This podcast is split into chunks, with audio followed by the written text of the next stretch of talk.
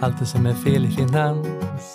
Allt, allt, allt, allt, allt det som är fel i finans. Hej! Välkomna till podden Allt som är fel i finans.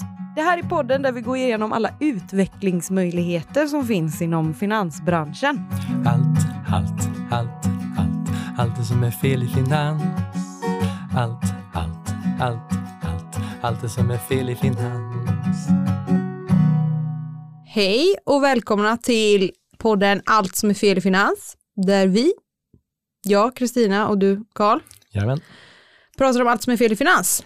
Du är docent i matematisk statistik och jag är ingenjör i teknisk fysik. Tillsammans kommer vi från Sigmastocks. Ja. Berätta lite kort Karl, vad gör Sigmastocks? Sigma Stocks hjälper dig att spara direkt i aktier helt automatiskt. Helt automatiskt. Ja. Det är så jädra bra. Det är bra. Det är bra. så bra koncept. Ja. Mm.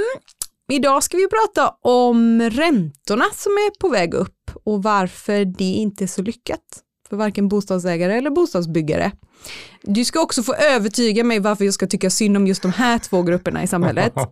Det har jag haft det ganska bra ganska länge tänker jag. Vad, ja.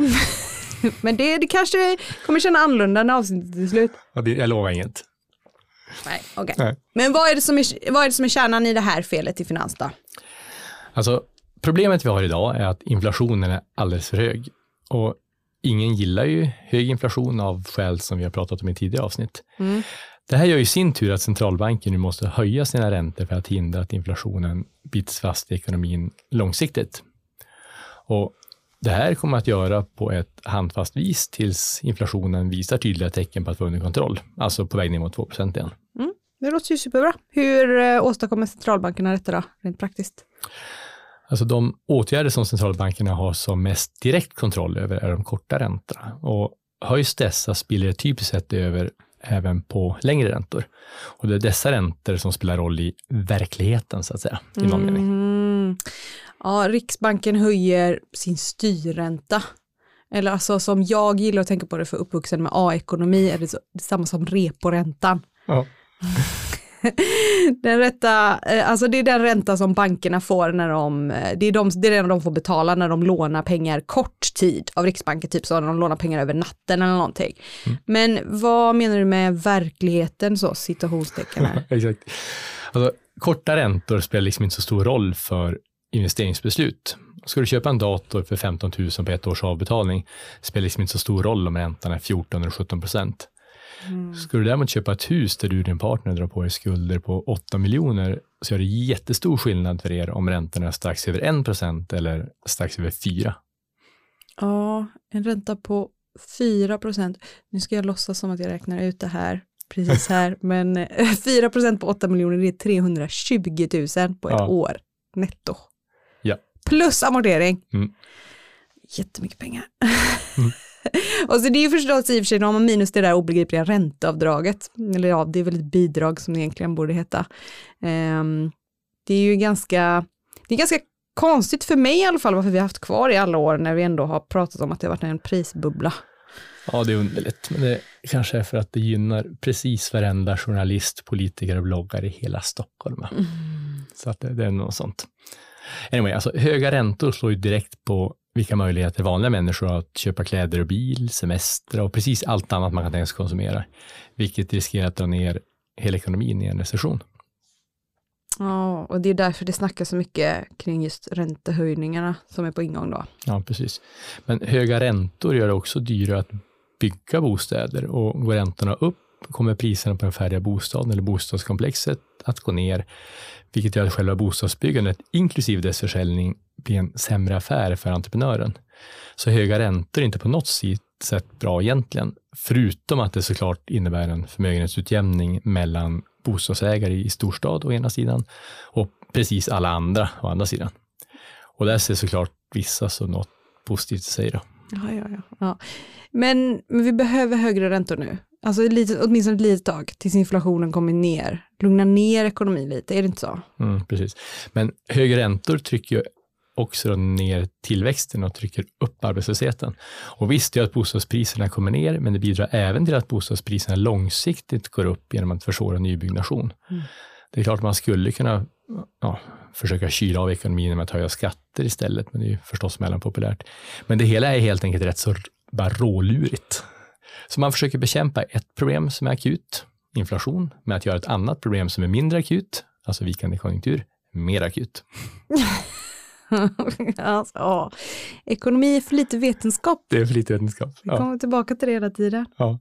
ja, det är väl lite så. För om det här varit fysik så har förstås inte haft något större problem. För att man kan med hjälp av fantastiskt exakta matematiska modeller, man kan räkna ut vilken nivå av åtgärd som är den perfekta avvägningen med att bekämpa inflation utan att kräva tillväxten.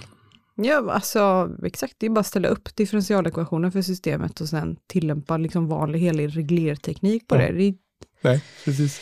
Någonting, någonting Nyqvists diagram. Exakt.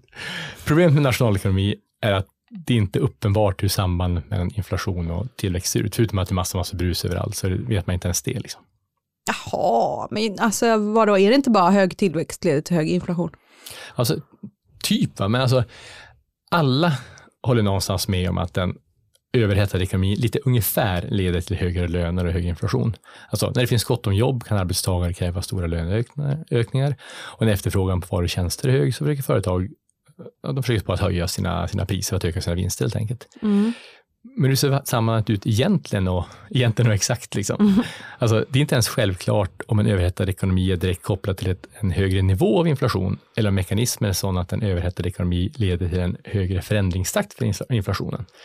Data stöder liksom ena modellen under vissa perioder och den andra modellen under andra. Jaha, okej, okay. jag tror jag fattar. Men alltså, är det mer hetta ekonomin kan leda till mer inflation men det finns inget som bevisar att extra hettan, att exakt den här nivån av hetta ger exakt den här inflationen. Nej, inte ens med brus då. Nej. Det är ungefär som den här grodan som man ska koka, jag vet inte om det stämmer eller inte, men det finns i alla fall en sån myt att, att man lägger en groda i vatten i det här. Liksom. Och så det, grodan blir råsur om man lägger den i kokande vatten. Men den märker inte om man först lägger den i kallt vatten som man sedan långsamt värmer. Och den här grodan reagerar då på snabba förändringar av temperaturen och inte av själva temperaturen i sig. Mm. Och det här är alltså ungefär så typ som man kan tänka inflation. Då. Man vet liksom inte hur inflationsgrodan beter sig. Liksom. Nej. kan de inte bara ta reda på det? Reda på det ja. ja. Okej, okay, men så inflationen ökar i snabb takt nu, för vi har hög hetta i ekonomin. Men det är inte helt säkert att den ökar endast på grund av e- ekonomin i het. Det är det du säger. Mm, exakt så. Och förstår man inte dynamiken ner till den här, den mer exakta nivån så är det svårt att vara exakt i sina prediktioner heller. Ja, det är lite ludd på ludd på något sätt. Då. Så mm. att vi kommer att få fortsätta leva ett tag till med osäkerheten kring om centralbankerna kommer att slå ihjäl inflationen med övervåld så att vi går in i en recession eller man lyckas hitta en bra balans, alltså att man bara slår ihjäl den.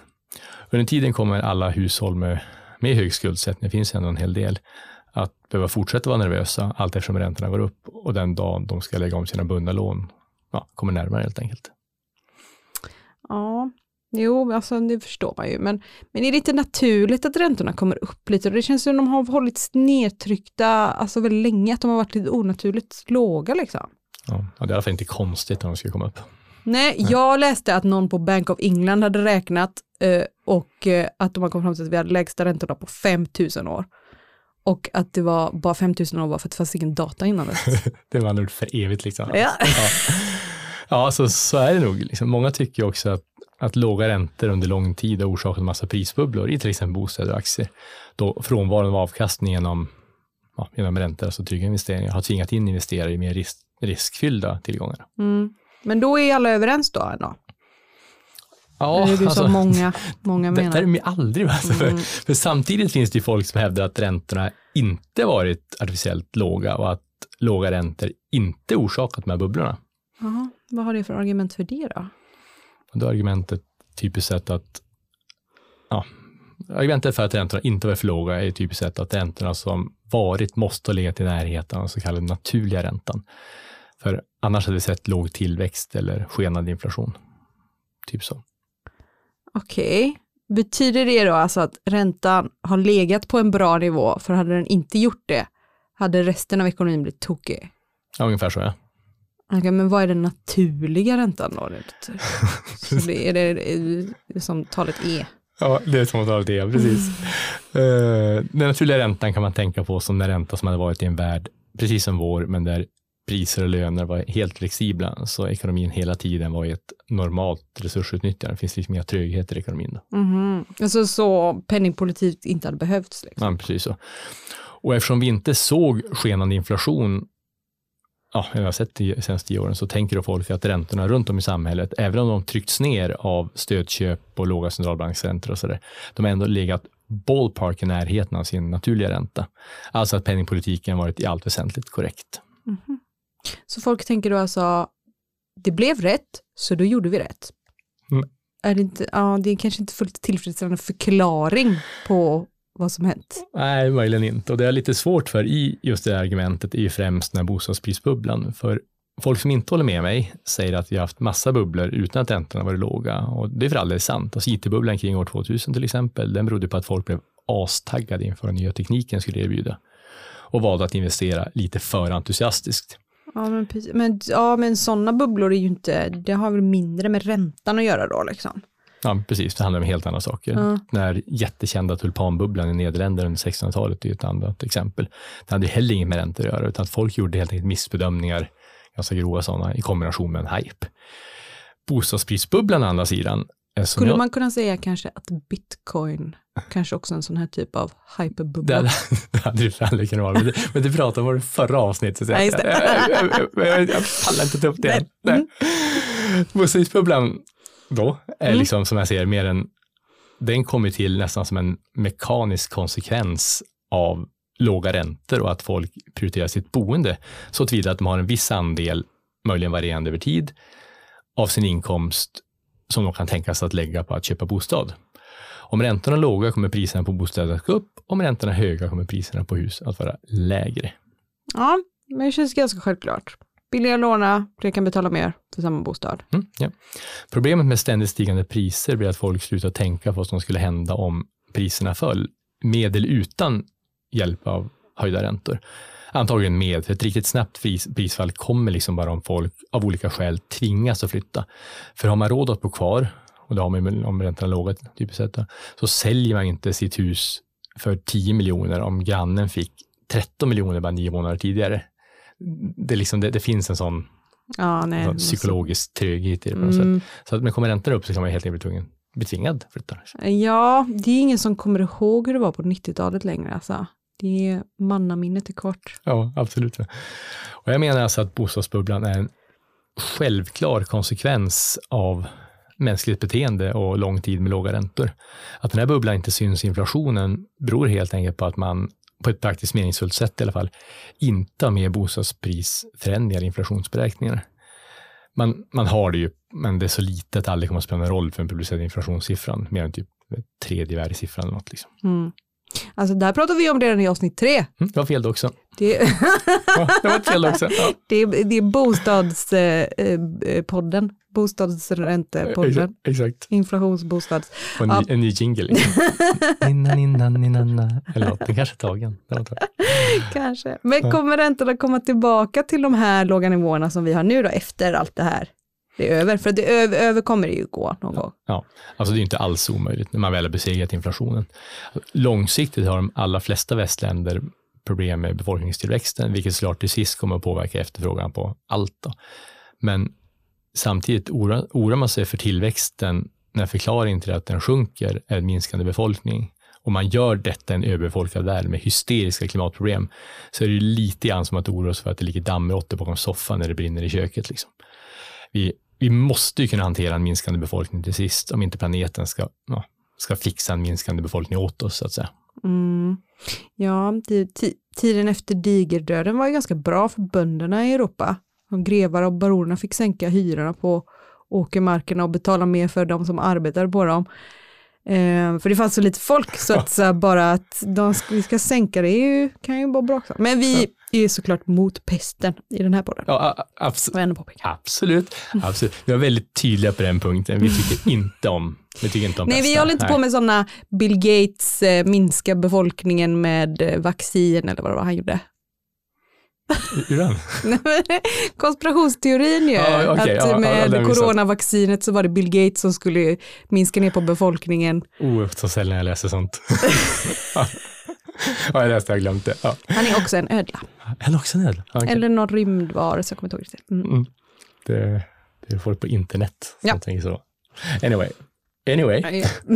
så inflationen är tillbaka på 2-3 procent, vilket kan ta något år, men kommer hända, för det kommer centralbankerna se till av rädsla för alternativet, oavsett effekt på tillväxten, så kommer man antagligen börja sänka räntorna igen. Alltså så att Ah. räntorna kommer, kommer, ja, komma ner. Så, och det här är även vad som prissätts av, av marknaden just nu. ja, men det, ja. Allt kommer igen. Ja. Så får sammanfatta.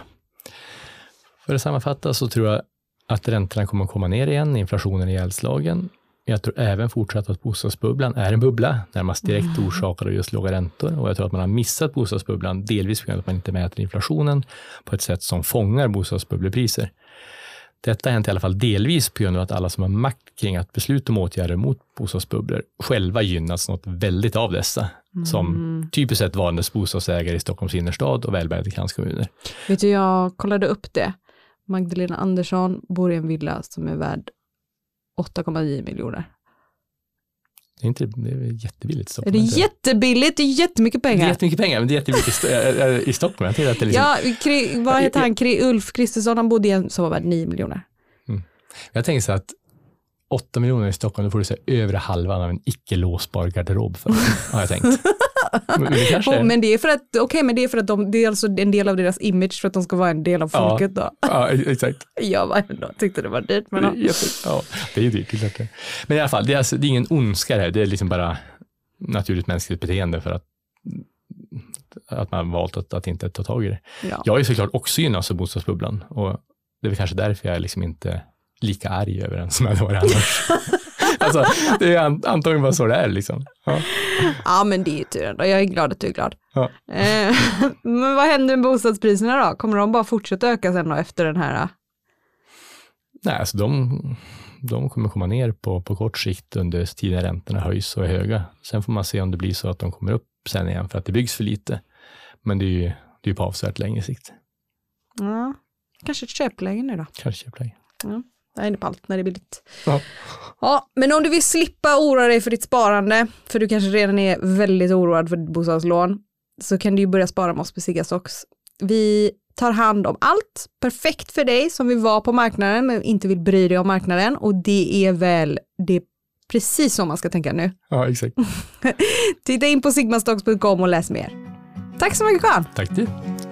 Allt, allt, allt, allt. Allt det som är fel i finans. Allt, allt, allt, allt. Allt det som är fel i finans. Följ Sigmastocks på Instagram, at Sigmastocks och lämna förslag på vad jag och Carl kan prata om i kommande avsnitt. Allt, allt, allt, allt. Allt det som är fel i finans. Allt, allt, allt, allt. Allt det som är fel i finans. En poddproduktion av Fredag.